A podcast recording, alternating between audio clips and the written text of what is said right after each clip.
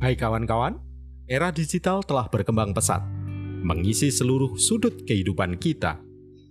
Podcast menjadi salah satu produk digital yang kini terus berkembang. Tak sekedar menjadi ruang dokumentasi, tetapi juga menjadi ruang interaksi publik. Bagi kawan-kawan yang ingin mempublikasikan karya podcastnya, Anchor pilihannya. Kenapa harus Anchor? Karena mudah menggunakannya dan bisa mengupload dari mana saja. Anchor bisa di-download di App Store dan Play Store secara gratis.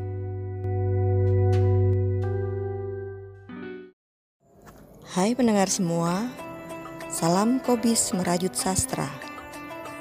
Pada Ramadan 2022 kali ini, Kobis Merajut Sastra akan menemani kalian dengan rangkaian cerpen selama sebulan penuh. Setiap cerpen akan dibuat berseri dalam 2-3 bagian. Tujuannya agar pendengar tetap bisa mendengarkan kisah-kisah sastra di sela-sela rangkaian ibadah Ramadan. Selamat mendengarkan.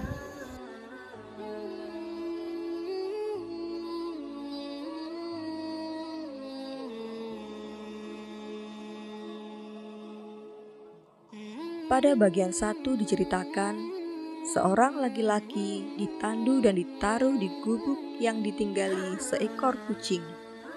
Kembang telon Laki-laki itu kumal, berpenyakitan. Kembang telon memandangnya dengan perasaan iba. Lantas, bagaimana laki-laki itu menjaga hidupnya di gubuk itu? Ikuti cerita selanjutnya.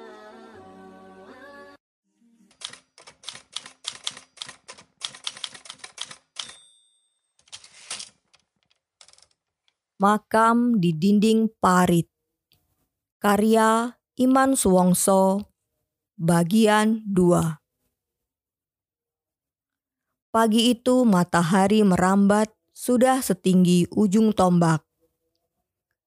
Laki-laki itu masih pulas. Ia tidur miring, lututnya ditekuk merapat ke perut. Tangannya disusupkan di sela-sela paha. Wajahnya tenggelam sama sekali oleh topinya. Dengus nafasnya menderik, seperti suara ular yang menghuni ladang-ladang pinggir hutan ini. Sepanjang sisa malam, tidurnya tidak terusik. Tidak ada rasa curiga dan takut dalam kegelapan. Udara dingin yang menerobos lewat lubang jendela hanya menggeser tangannya yang semula telentang. Bau mulut laki-laki yang menyengat cukuplah memberi tanda kepada si kembang telon kalau ia berbeda dengan manusia lain yang pernah ditemuinya. Si kembang telon tidak setenang laki-laki itu ia sangat mengkhawatirkannya. Ia bersiaga, berjaga dari gangguan ular belang yang sewaktu-waktu merambat naik ke balai-balai. Telinganya senantiasa tegak, berusaha menangkap bunyi yang mengisi ruang gubuk ini. Si kembang telon sudah hafal betul suara gesekan kulit ular dengan lantai tanah. Ia lega, tidak ada tanda-tanda yang datang selain suara nafas laki-laki malang ini. Ketika cahaya matahari membentuk bayang, si kembang telon tengada. Matanya memandang warna emas cahaya matahari yang menyapu biru langit di ujung gunung. Pagi telah tiba, Terima kasih, wahai penerang. Kamu hadir menutup gelisah. Saat si kembang telon sudah kembali ke gubuk itu, matahari sudah setinggi tombak. Saat si laki-laki berpenyakit masih tertidur seperti sedia kala, si kembang telon merasa iba. Mungkin dia sangat lapar. Mungkin dia lapar dan sangat mengantuk. Si kembang telon ragu untuk membangunkan. Ia hanya memandangi tubuh kumal itu. Tapi kemudian si kembang telon mendengar suara meringkik. Telinganya dipasang tajam-tajam. Suara itu berasal dari mulut yang terbenam dalam topi kumal laki-laki itu. Laki-laki itu mungkin kelaparan sejak menahan dingin semalaman. Si kembang telon mendekati laki-laki yang masih mendengkur itu. Ia membangunkannya. Ia menggigit baju laki-laki itu dan menarik-nariknya laki-laki itu tidak juga bergerak. Si kembang telon menggigit tandan topi dan menarik-nariknya. Mata si laki-laki rapat memejam. Masih tidur dalam meringkik. Sekali lagi si kembang telon memandangi penderitaan itu. Akhirnya ia tak tega dengan kelaparan yang disimpan dalam perut laki-laki itu. Ia melompat ke dekat kepala seonggok daging penuh luka itu.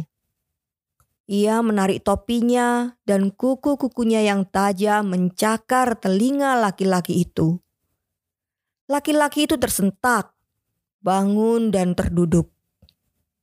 Bambu balai-balai di bawahnya berderit karena bergesekan satu sama lain. Balai-balai bambu bergoyang karena beban laki-laki penuh luka. Bedebah, umpat laki-laki itu. Ia mencari-cari benda di sekitarnya, hanya menemukan topi kumalnya. Ia meraihnya dan melemparkan pada si kucing. Si kembang telon hanya melompat menghindari kibasan topi yang melayang ke arahnya. Mata laki-laki itu masih melotot ketika tubuhnya mulai rebah kembali. Si kembang telon hanya memandangi tingkah tubuh lemas itu. Saat kepala laki-laki itu menempel di pembukaan balai-balai, pandangan matanya bertemu dengan sorot mata si kembang telon. Si kembang telon melihat mata marah laki-laki itu mulai luruh. Ia melompat ke kantong plastik yang teronggok di sudut balai-balai. Ia menggigit ujung plastik dan menyeret ke depan laki-laki itu. Lantas ia mengeong, memberi syarat agar laki-laki itu segera memakannya. Laki-laki itu bangkit lagi dari rebahnya. Si kebang telon memandang matanya.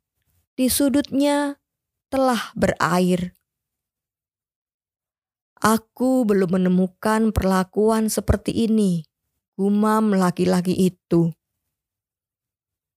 Si kembang telon membalas dengan tatapan mata yang oval. Kepalanya mengangguk-angguk, memberi persetujuan agar kantung plastik segera dibukanya. Laki-laki itu membuka bungkusan pelan-pelan.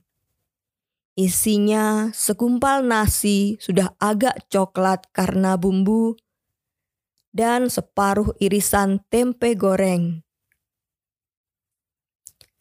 Jauh lebih baik daripada yang kerap kutemukan di tong sampah, gumamnya. Laki-laki itu mulai menjemput nasi dan menyuapkan pada mulutnya. Sekerat tempe itu ia potong dengan jarinya dan ia sodorkan pada mulut si kembang telon. Ayo makan bersama kawan, katanya si kembang telon sambil matanya masih menatap mata laki-laki itu. Lidahnya menjilati keratan tempe, kemudian menggigitnya dan mengunyah pelan-pelan.